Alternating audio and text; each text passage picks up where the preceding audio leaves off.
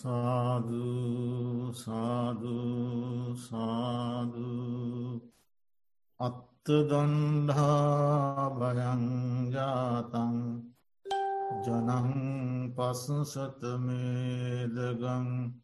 සංවේගං කිත්ත ඉස්සාමි යතා සංවිජිතංමයා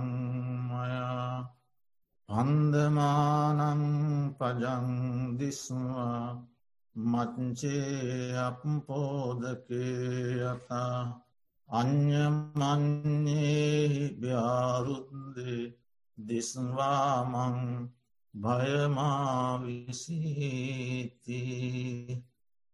ශ්‍රද්ධාවන්ත පිහිමුතුනි අද අප විහාරස්ථානයෙහි පවත්වනු ලබන සීල භාවනා වැඩසටහනේ අවසාන ධර්ම දේශනාව.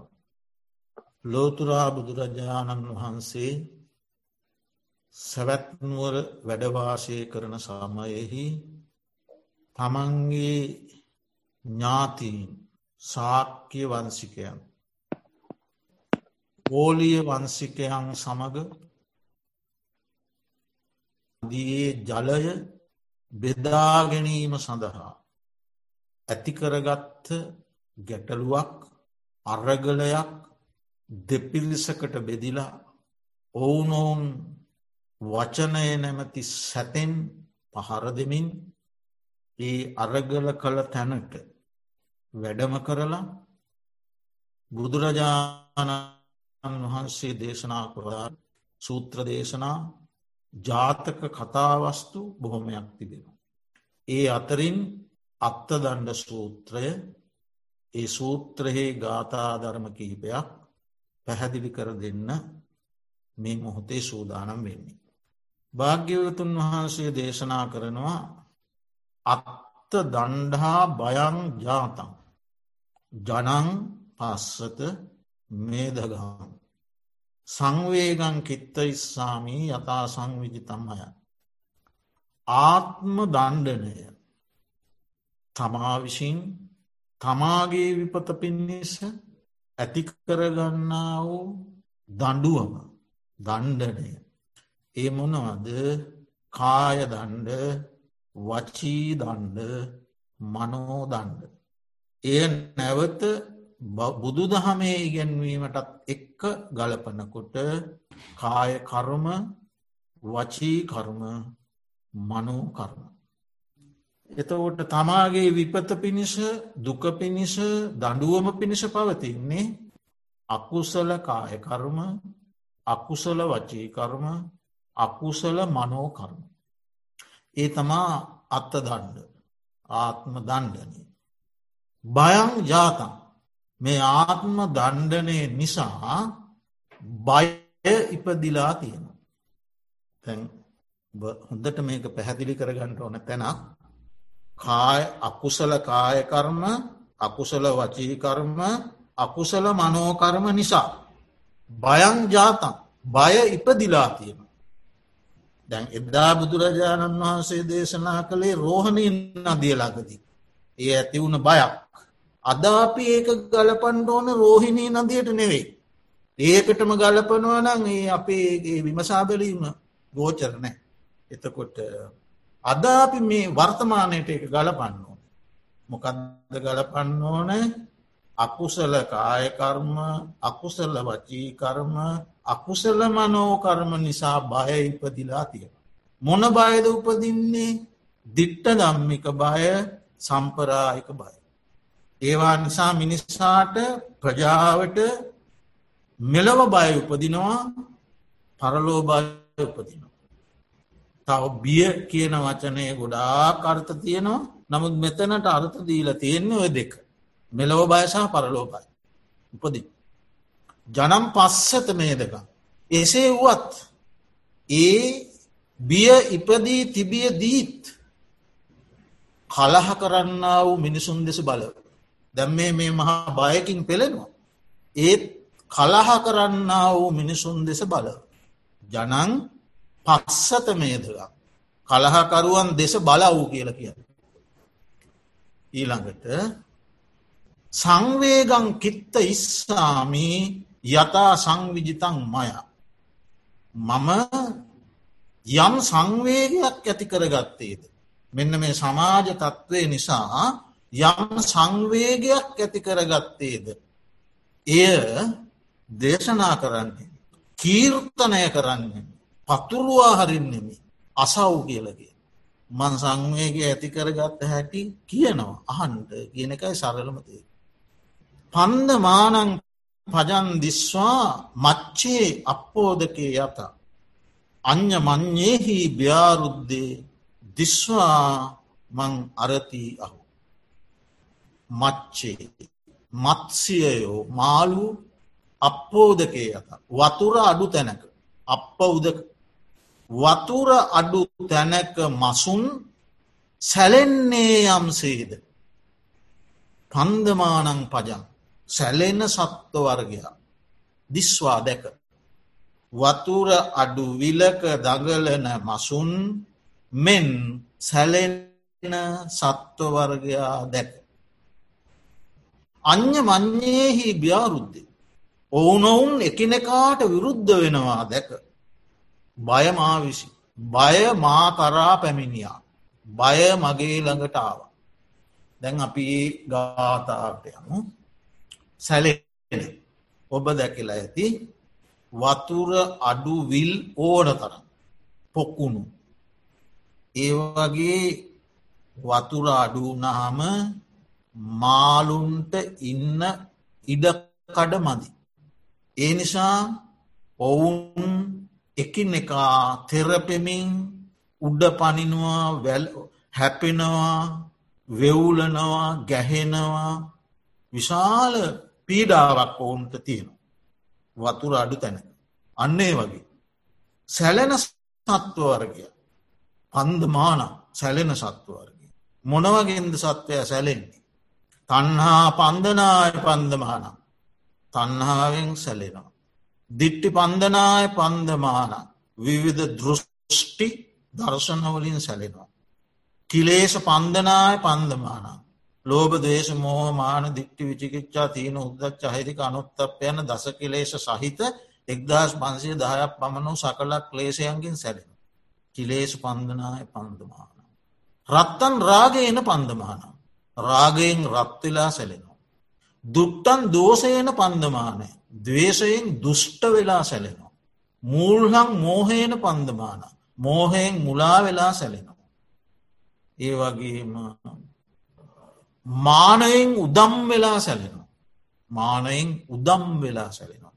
විචිකිච්චාවෙන් ස්තීර නිගමනයකට එන්ඩ බැලුව සැලෙනවා. සැකයි. අනිට්ඨාගතා ස්තීර නිගමනයකට එන්න බෑ. ඒ විදිහේ නොයෙක් නොයෙක් ආකාරයේ හේතුවන් නිසා. සත්ව වර්ගයාත් සැලෙනවා. පන්දමානම් පජන් දිස්වා. මච්චේ අපෝදක යත.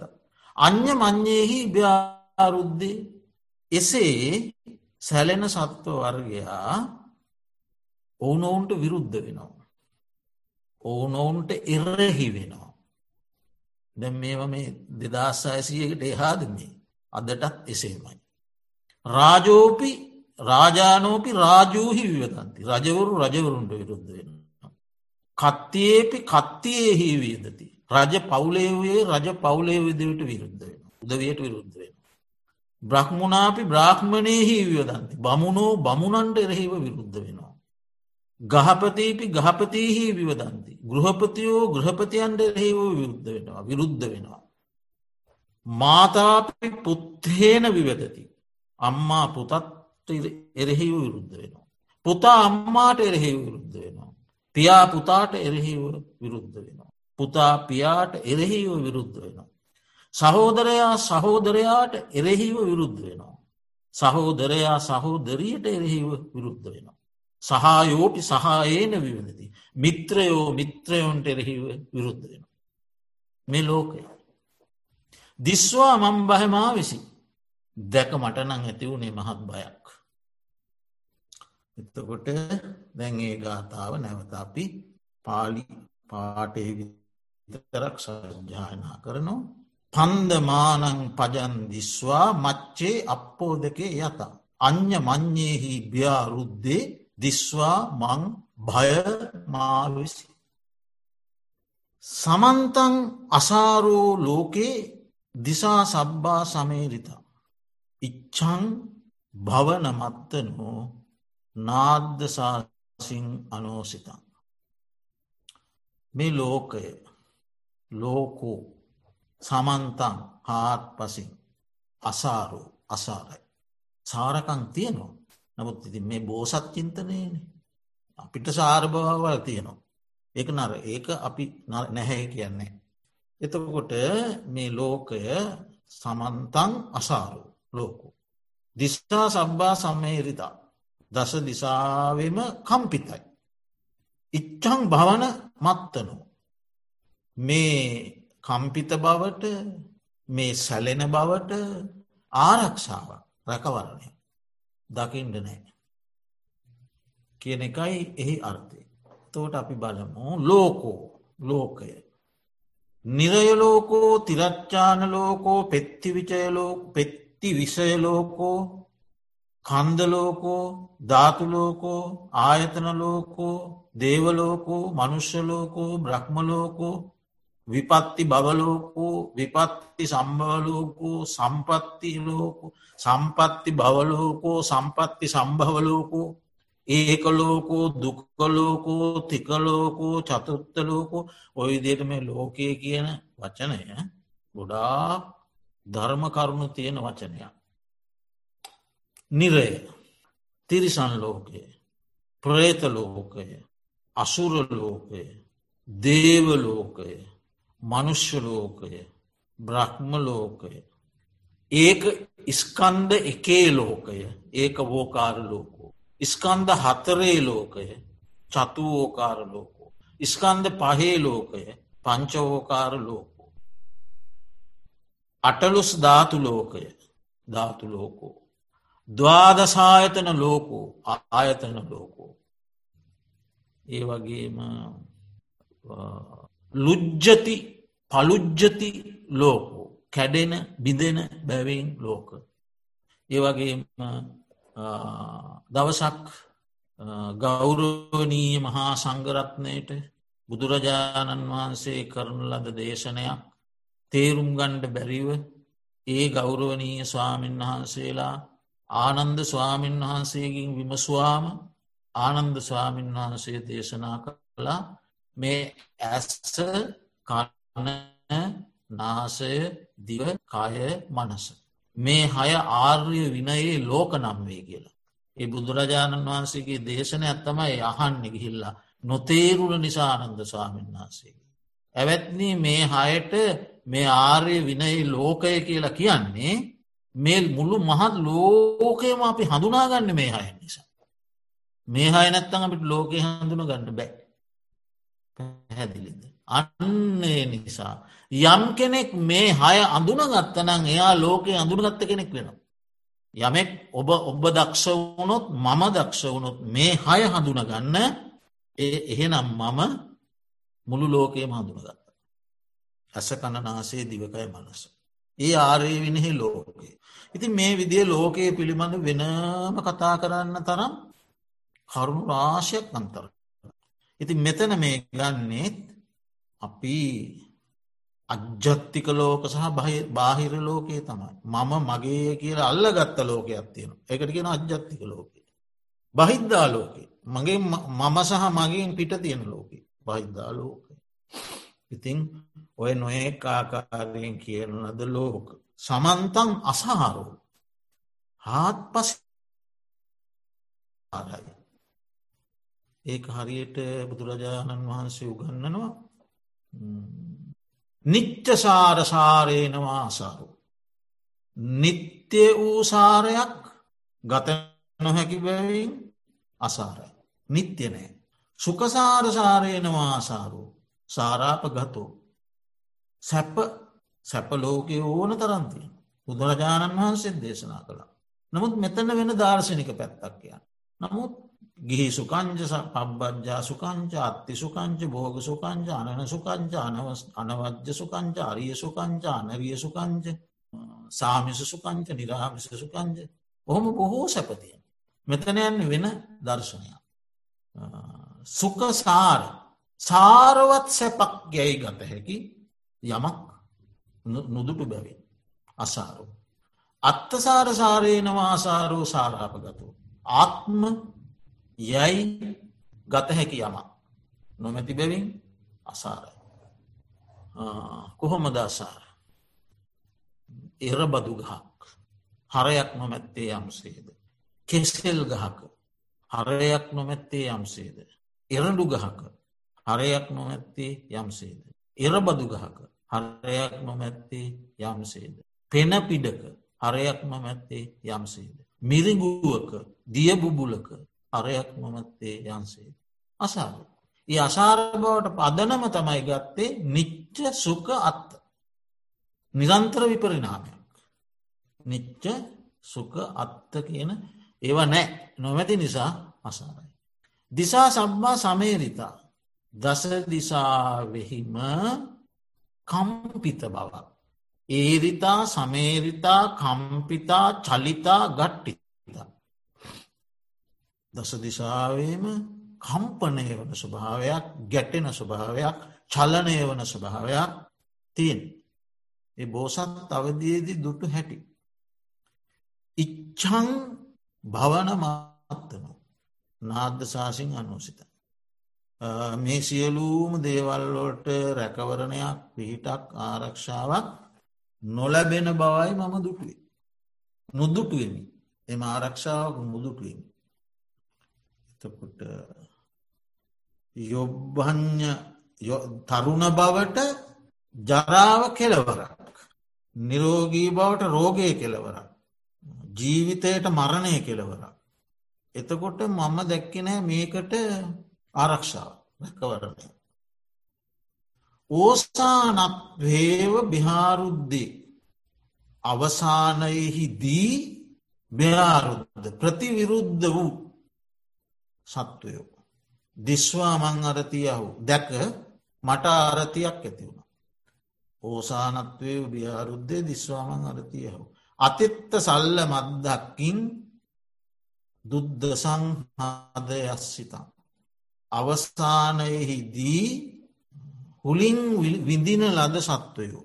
උලෙන් අනින ලද සත්වයෝ කොහෙද උලින් විදල තියෙන්නේ කොතැනටද දුද්දසං දැකීමට අපහසු හරදය ආශ්‍රිතයට. දකින්නට අපහසු හරද ආශ්‍රිතයට හුලකින් විදල තියෙනවා කියන එක මෙහි යන්තේ. දට අපි බලමු ඕසානත්වයව බිහාරුද්ධ. අවසානයේ ප්‍රතිවිරුද්ධ සත්වය. මොකක්ද මේ ප්‍රතිවිරුද්ධ බව. යොබ්බඥ කාමා සත්තා ජරාය පටිවිරුද්ධා. යෞවන බව කැමති සත්වයන්ට ඒ කැමැත්තට ප්‍රතිවිරුද්ධව දිරාපත්වීම එනවා. මා සත්තා බිහාදිනා පට නිරෝගීකම කැමති සත්වයන්ට ඒ නිරෝගීකමට ප්‍රතිවිරුද්ධව ව්‍යාදිය රෝගය එනවා. ජීවිතුකාමා සත්තා මරණයන පටිවිරුද්ධ. ජීවිතය කැමති සත්වයන්ට ඊට ප්‍රතිවිරුද්ධව මරණය එනවා. ලාභය කැමති සත්වයන්ට යම්විටක ඒ ලාභයට ප්‍රතිවිරුද්ධව අලාබේනවා. සුකය කැමති සත්වයන්ට ඒ සුකයට ප්‍රතිවිරුද්ධ දුක්කයනවා. යසස කැමැති සත්වයන්ට යසසට ප්‍රතිවිරුද්ධව අයසේනවා. ප්‍රසංසා කැමැති සත්වයන්ට ප්‍රසංසාට ප්‍රතිවිරුද්ධ නින්දාවෙනවා.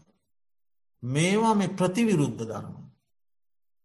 තින්ගේ ප්‍රතිවිරුද්ධ ධර්ම ආවම ඒක හරි අනාරක්ෂකාරී ඒක ඒකට පිළිසරණක් නෑ විශේෂයෙන් ඒ අතරින් ඔය මරණ ය පිළිසරණක් නැති දහමක්. ඉතින් ඔන්න ඔය ප්‍රතිවිරුද්ධතාවයන් කියන්නේ. අපි අපේ ජීවිතයේ යන ගමන් මගෙහි අපිට ප්‍රතිවිරුද්ධව එනවා මේ ජරාව්‍යාධි මරණාදී දරම්. ආවහම දිස්වා දැක්ක මං අරතිය අහු මට බොහෝ කලකිරීමක් නොයල්මක් ඇති වුණ අරතියක් කාටද මේ ඇති වුණේ බෝසතාණන් වහන්සේට. දැක්ක මට අරතියක් ඇතිවී. දැම් මේ අරතිය ඇතිවෙන කාලයේදී බෝසතාණන් වහන්සේ මහ සැපවත් ජීවිතයක් ගත්ත කළ කෙනෙ. සාමාන්‍ය කෙනෙක් නෙවෙයි. සුද්දෝදන මහරජතුමාගේ පුතා. තකොට සොන්ද සමාජ පිළිගැනීමක් තිබ්බ කෙනෙ. ආර්ථිකය බොහොම බලවත්. සුකුමාලෝ අහම්භික්කවේ පරම සුකුමාලෝ අච්චන්ත සුකුමාලෝ මම සුදම් භික්කවේ පිතු නිවේශනය පොක්කරණයා කාරිතා හොන්ති ඔහොම නිදේශනා කළ මහනෙන මම නිදුමි මහා සැපවත් ජීවිතයක් ගත කළ කෙනෙක්මි අතිසයින් සැපවත් ජීවිතයක් ගත කළ කෙනෙක්මි පරම සැපවත් ජීවිතයක් ගත කළ කෙනෙක්මි මගේ පියා මා වෙනුවෙන් පොකුණු තුනක් කරවලා තිබුණා. එක පොකුණක නිල් මහනෙල් අනික් පොකුණේ රත් පියුම් අනිත් පොකුණේ සුදු පියුම්. ඒ ඔක්කොම මා වෙනුවෙන් ති ඔහොම තමයි බුදුරජාණන් වහන්සේ ඒවා දේශනා කළේ. මම කසී රටේ නිපදෝපු වස්ත්‍රයක් කැර වෙන කිසිදු වස්ත්‍රයක් ඇන්දෙනෑ මගේ හිස් වෙලුම කසීරටේ මගේ උඩුකාය වහන ඇඳුම කසීරටේ යටිකාය වහන ඇඳුම කසීරටේ මම අදනා පුරවන සියලු වස්ත්‍ර කසීරටේ මගේ පියාගේ නිවසේ දැසිදස් කම්කරුවන්ට කන්න දුන්නේ කාඩි ඔද්දත් එක්ක කුඩු සහලේ බත්. නමුත් මගේ පියා ඇල් සහලේ බත්දුන්න මගේ සේවකයන්ටත් මස් සහිතව. රත්තින් දිවන් කෝ පනස්සු මේතම් භික්කවේ සේතත් චත්තන් ධාරී ඇති මගේ හිසට ඉහලින් මගේ පියා සේසත් දරලතිබුණා සීතලෙන් උස්නෙන් දූවිල්ලෙන් තෘණවලින් පිනිවලින් මට හානියක් වේ කියලා. මහනෙන මට නිවාස තුමක් තිබ්බ. ඒකෝ හේමන්තිකෝ ඒකෝ ගිම්හිකෝ ඒකෝ වස්සිකෝ. එකක් හේමන්තරිතුවට එකක් ගිම්මානරිතුවට එකක් වස්සානිරතුවට මේ සියලුම දේවල් මගේ පියාමට ඉදි කරලා දීල තිබුණ. මම වස්සාන ඉර්තුවේ උඩුමහලින් යටි මහලට බහින් නැතුව පංච තූරය වාදන බාණ්ඩවලින් පිනවමින් පුරුෂයන් නැති නිවසේ. සේවකයකෝ ස්ත්‍රීන් දාලා හිටිය පුතා ගිහිගේ හැරලා යන නිසා. ඔන්න හොම ජීවිතයක් මංගත කළේ මහනින්. ඉතින් ඒත් උන්වහන්සේට අරතිය ඇති වුණ මොකක් නිසාද. දිස්වාමං අරති අහු මොකක්ද අරතිය. ඕසානත්වේ බියාරුද්දේ. මේ හැමෝම ජීවත් වෙන සත්වයෝ ප්‍රතිවිරුද්ධ දිසාාවකට යන. යන්න දිසාවට ප්‍රතිවිරුද්ධව යමක් කෙනවා. තරුණකමට ජරාව. නිරෝගීකමට ලෙඩ ජීවිතයට මරණය ප්‍රතිවිරුද්ධතා මට නොවල්මක් ඇති වුණ. ඉතිං ඒ බෝසතාණන් වහන්සේට මේ වුණේ තා බුද්ධත්වයට පත්වෙලත්නේ එදා උන්වහන්සේ දකිනෝ මොකක්ද දකින්නේ. අත්තනා ජරාදම්මෝ සමානෝ ජරං අනතීතෝ පරං ජින්නන් දිස්වා අට්ටිය ඇති හරා ඇති ජිගුච්චති අත්තා නංචේ අතීත්වා මේ ලෝකයේ ජීවත්වෙන සියලුම සත්‍යය දිරාපත්වෙනයි. හැබැයි ඔවුන් දිරාපත්වෙන වගේ ලොවුන් හිතන්නේ. මම කල්පනා කලා මමනං එහෙම හිතන් හොඳනෑ. එහෙම කල්පනා කරලා මම කල්පනා කලා මේ හැමෝම මැරෙනවා. දිරාපත්වෙනවා මේ හැමෝම දිරාපත්වෙන. දිරනවා. එහෙම හිතනකොට මගේ ආරෝග්‍ය මදේ නැති වුණා. තරුණ මදේ යොබ්බන මදේ නැති වුණ. අත්තනා ව්‍යාධි දම්මෝ සමානෝ ව්‍යාදීන් අන්න මේ ලෝක ඉන්න සියල්ලෝම ලෙඩ වෙනවා. ලෙඩ වෙන අතරේ තමන් ලෙඩ වෙන බව හිතන්නේ. ලෙඩ වෙන අනිත් කෙනෙක්ද කළ පිළිකුල් කරනවා. තමන් උසස් කොට සලකනවා. තමන් මහත් කොට සලකනවා. අත්තනා මරණ දම්මෝ සම්මානු මරණං අනතීතු පරං මතං දිස්වාට්ටී ඇති හර ඇති ජිගුච්චති අත්තා නංචේවාතීත්ව. මේ ලෝකයේ ජීවත් වෙන අය සියල්ලෝම මැරෙනවා. නමුත් තමන් මැරෙන බව හිතන්නේ. මැරුණ තවත් කෙනෙක් දැක පිල්ලිකුළු කරනවා. තමා උසස් කොට සලකනවා. අරණයට බේද නෑ ඔබ දැන් දකින ඇති. ලෝකයේ රටවල් දෙසීය ගානක. සියල්ලුම ජාතිකයෝ. සියල්ලුම ජාතිකයෝ. මේ එක්කම උවදුරකින් මැරෙනවා. එතන්ට ජාතිබේදයක් කුලබේදයක් ධනවත් දුප්පත් බේදයක් උසස් පහත් කිසිදු බේදයක් ඇත්තෙන. හැමෝම මේ ව්‍යසනයේ කොයි මොහොතක හෝ ගොදුරක් වෙයිගේ බයෙන් සැකින් සන්තාපයෙන් ලෝකයා ජීවත්වෙන්. තිය නිසා මෙන්න මේවා තමයි ප්‍රතිවිරුද්ධතා. දැකමට අරතියක් ඇති වුණා. අතෙත්ත සල්ලමත් දක්කින් දුද්ධ සංහදයක් සිතා. දකින්නට ඉතා අපහසු මේ හරදය ඇසුරු කරගත්ත. හරදය ඇසුරු කරගත්ත මේ චිත්ත සන්තානයට මේ හිතට හුල් ඇනිලා තියෙනවා. මොනෝද හුල්? රාගශල්ල දෝෂසල්ල මෝහසල්ල මානසල්ල දිට්ටිසල්ල සෝකසල්ල කතන් කතාසල් ඔන්න උල්හත රාගය. කාමරාග රූපරාග රූපරාග රාගය. තකොට කාමරාගේ ඇතිවෙන්නේ දිවිය ලෝකවල ඉන්න දෙවියන්ටත් මනුෂ්‍යලෝක ඉන්න මනුස්සන්ටත් මිදිසතුන්ටත් ඒ තිරිසන් ලෝකවලත් මනුෂ්‍යලෝකේ කාමරාගයට රූපරාග අරූපරාග රූපාවචර ලෝකයේ බ්‍රහ්මයොන්ට රූපා රාගයත් අරූපාවචර බ්‍රහ්මලෝකයේ බ්‍රහ්මයන්ට අරූපාව අරූපරාගයක් හටගන්න. ඉල්ලාහට රහස් දෝෂශාල්ල දවේශය අපි නිත කතා කරලා තියෙනවා. දවේශය අද උද කතා කල්ලා ආගාත පටිග දවේශ ව්‍යාපාද දෝෂ ආදී නොෙක් නම්වලින් හඳුන්වන එක ඒක ඒ වගේ තිබෙන ස්පහක්කම් වෙනස්කම් මත විවිධ නම්වලින් හඳුන්නවා නම් විසිහයක් තිය දවේශය. ඉලාට මෝහ සල්ල දුකෙහි නොදනීම දුක්ක සමුදය නොදනීම දුක් නිරෝධය නොදනීම දුක්ක නිරෝධ ගාමිණී පටිපදාව නොදනීම පූර්වාන්තය නොදැනීම අපරාන්තය නොදනීම ඔයදී නොඒ අයන. ඒකින් කරන්න මුලා කරනවා. මුල් හංකෝ බ්‍රාහ්මණ මෝහය නබිම. මෝහයෙන් මුලා වූ සත්වයෝ. ඔම ලොකු විශාල පාපයක් මෝහය නොදන්නාකම. අවිද්‍යාව වැරදිව වටහාගෙන හෙම කරනවා. ටේ මෝහය. ඊළඟට මානය මැනීම මම ශ්‍රේෂ්ඨයාට වඩා ශ්‍රේෂ්ඨවමි ශ්‍රේෂ්ඨයා හා සමානවමි ශ්‍රේෂ්ඨයාට වඩා හීනවෙමි. සමානයට වඩා ශ්‍රේෂ්ඨවෙමි සමානයා හා සමානවමි සමානයාට වඩා හීන. හීනයාට වඩා ශ්‍රේෂ්ඨවමි හීනයා හා සමානවමි හීනයාට වඩා හීනව. ඔය නම ආකාරයෙන් ඇතිවෙන මානය.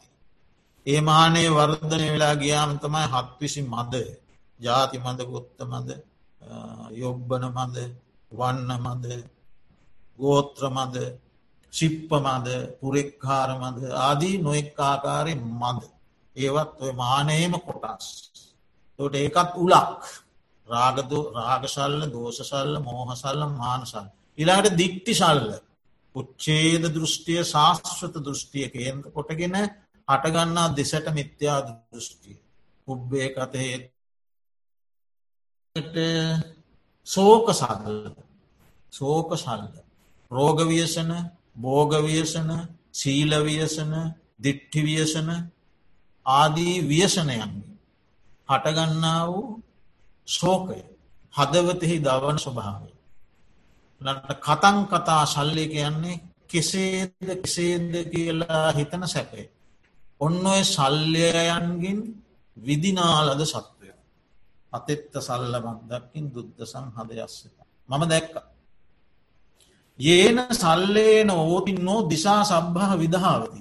මෙන්න මේ සල්ලයන්ගෙන් විදිලාලද සත්වයෝ දසදිසාවෙහිම දුවනො. දස දිසාවේ දුවන. ඒක සාමාන්‍ය ලෝකෙත්තේ දිවිල්ල තියෙනවා. භවයෙන් භවයටත් දුවන. සමහර විට මනුස්්‍යලෝකින් ආපව නිරේට දුවන නිරේ කාලයක් ප්‍රේත ලෝකයට තිරිසන් ලෝකයට බ්‍රහ්ම ලෝකයට ඔහු නොයෙක් ආකාරයට දුවනවා. සමහරවිට මේ සල්ලයන්ගෙන් විදුනාලද සත්වයෝ ඒ සල්ලයන් නිසාම දැ දෘෂ්ටි සල්ලයෙන් විදුන සත්වය දුවනයම හොඳට පැහැදිලිවපේනෝ ලෝකයේ දිහා බලඟින්කොට. ඒ දෘෂ්ටි ගතිකයන් ඔවුනොවුන් කරන ක්‍රියාකාරකම් ඔවුනෝන්ගේ පාර්ථනා ඔවුනෝන්ගේ යැදීම් බලාපොරොත්තු දිහා බලාගෙන ඉන්නකොට මධ්‍යස්තව හිතලා අපිට පැහැදිලිව පේනවා මේකක දෘෂ්ටි නිසා දුවනු. දෘෂ්ටි පසුපස්සේ හම්බාගනය. ඒ දෘෂ්ටි ගත වෙනවා. ඒවට එව වෙලෙනවා වාස ගලවන්නත් තමාරු. තරම් බැඳෙනව තදින් දෘෂ්ටියෝල්ට බැඳෙන. ලෝකේ තියා බලන් ඉන්ඩෝනෑ හොඳට පැදිලිවෙන. එතවට ඒ විදිහේ මේ සල්ලයම්ම මේ සල්ලයන් නිසා දුවනු දිසා සම්බෝ විදාව. දස දිසාවේ උතුරු දිසාවට දකුණු දිසාවට නැගෙනේද දිසාවට බස්නේද දිසාවට උද්ද දිසාාව යට දිසාාවට හතර වට දිසාවලට දුවන. ඒන සල් මේව සල්ල මබ්බුය න ධාවති නැසීද. යම්කිසි කෙනෙ මෙන්න මේ උල්ටික උදුරලා දැම්මන. මේ සල්ලටික උදුරලා දැම්මන. මොකක්ද.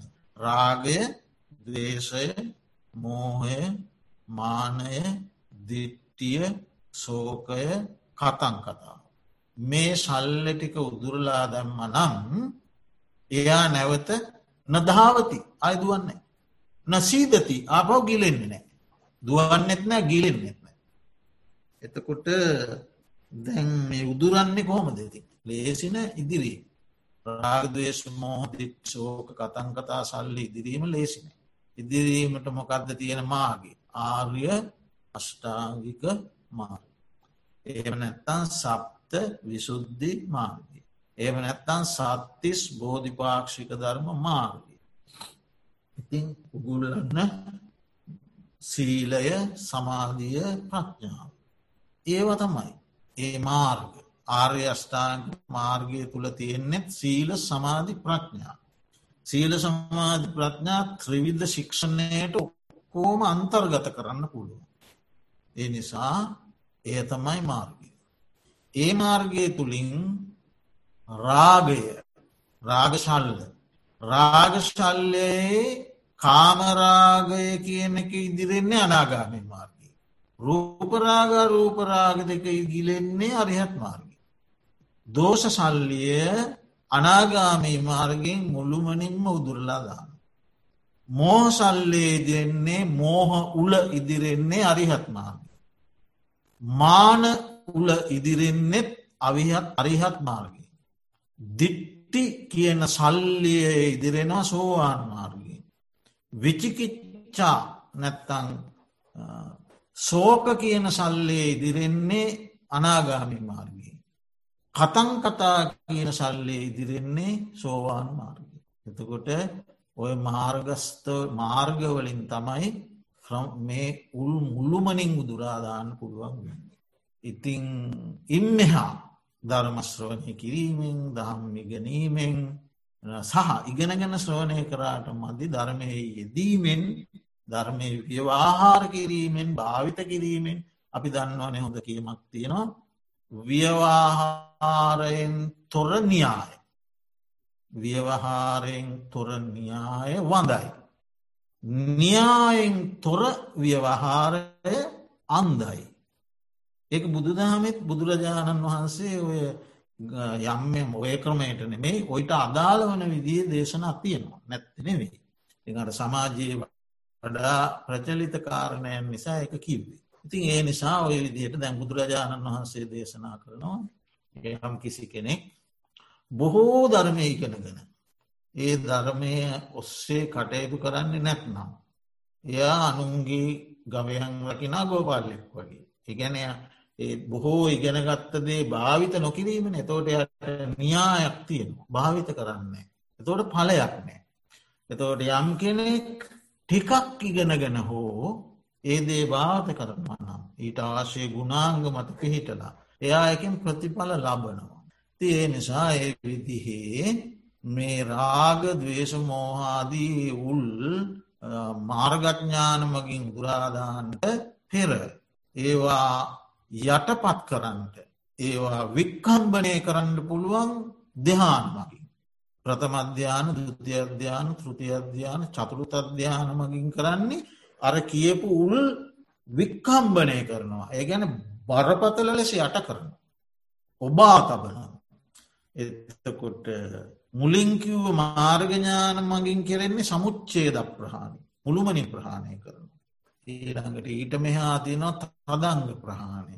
එදිනෙදා ඒ ඒ ඒ ඒ ඒ ඒ මොහොතෙහි.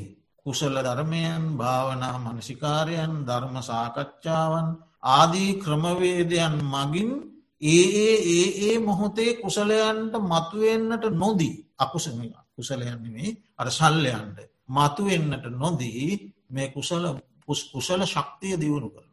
එතවට ඒවා ඒවගේ බලය හීන වෙනවා. එකට ගෙන තදංග ප්‍රහාණි ඒ ඒ මොහොතේ. ඉතින් ඒ කුමන ක්‍රමයක් කුමන ක්‍රමයකින් හෝ ඒවා මර්ධනය කරමින් පැමිණ අවසානයේ මාර්ගත් ඥානයෙන් මේවා සමුච්චේද වසයෙන් ප්‍රහාණය කර දිවීම නතර වුණ. නසීදති. එයා ගිලෙන්නෙත් නෑ මොනවගේද ගිලෙන්නේ නැත්තේ? කාම ඕගයෙහි ගිලෙන්නේ කාම සැඩ පහරි ගිලෙන්නේ බව ඕගයෙහි ගිලෙන්නේ බව සැඩ පහරී ගිලෙන්නේ දිට්ටි ඕගයෙහි ගිලෙන්නේ දිට්ටි සැඩපාර. අවිද්‍යා ඕගයෙහි ගිලෙන්නේ නෑ ඒ සැඩපාර හැතරේම ගිලීමෙන් මිදුුණ. ඒක යන කවුරු ගැනද? රහතන් වහන්සේ ගැන. ඉතින් ඒ නිසා අපිටත් මේ කරන පින්කම් කුසල ධර්මයන් ඒ කාන්ත වශයෙන්ම ඉහත කියන ලද ඕගයන්ගින් නිදහස් වෙලා ශල්්‍ය ධර්මයන් උදුරා දමා අවිහත් මාර්ගඥානයෙන් සැනසූම පිණිස හේතු ආසනාවෙත්වා කියලා පාර්ථනා තබාගන්න. එතකොට පින්වතුනි දැන් මේ දේශනාවෙන් මතු වන මුල් කරුණුටික ඔය පින්වතුන් වර්තමාන සමාජ තත්ත්වයක් එක්ක ගලපා බලන්ට පුරුදු කරගන්ට ඕනේ. ඒ යන්නේ මොකක්ද මේ අකුසල කායකර්ම වචීකර්ම මනෝකර්මයන්ගේ පැවැත්ම තමාගේ අහිත පිණිස පමණක් නොව ලෝකයාගේ අහිත දුක විපත පිණිස පවතිනවා. තමහරට එක්කනෙක්ගේ ක්‍රියාව එහෙම නොවනට රාසියකගේ පිරිස් රාශි වශයෙන් එහෙම යෙදෙන්නකොට ඒ වගේ විපාකවාර බහුල වෙලා පැතිරෙන්ඩ පුළුවන්. ඒවා අත්තදන්ඩ ඉරාධර්මස්තු කිරීමෙන් රැස් කරගත්තා කුසල ධර්මය යුරදිනාටම නිදුක් නිගොත් නිරෝගී සුවපත් භාවය දිගාසිරි සම්පත් පිණිස හේතුවාසනාවත්වා පරලෝෂපත්යම් තාඥාතීන් වෙත්නම් මේ හැමටත් ඔවුනුන්ගේ ආයිති භවයන් සුවපත් කරගෙන උතුම් මමා නිර්වාණ සොයන් සැනසුනිස හේතු ඒවා වාසනාවේවා උපනිශ්‍රේ වේවා කියන පාර්ථනාව ඇති කරගෙන දෙවියන්ට ඥාතීන්ට පින් දෙමු. ආකාසට්ටහාච බුම්මට්ටා දේවානාගා මහිද්දිිකා පුුණ්ඥන්තන්වන් මෝදිත්වා චිරන්රක්කන්තු ශාසනං. ආකාසට්ටාහාච බුම්මට්ටා දේවානාගා මහිද්දිිකා පුුණ්ඥන්තන්වන් මෝදිත්වා චිරන්රක්කන්තු දේශනං. ආකාසට්ටාච බුම්මට්ටා දේවාපනාගා මහිදිිකා පුුණ්ඥන්තන්වන් මෝදිත්වා චිරන්රක්කන්තුමම් පරන්තිී. ඉදම් මේ ඥාති නං හෝතු සුකිතා හොන්තු ඥාතය ඉදං හෝ ඥාති නං හෝතු සුකිතා හොන්තු ඥාතය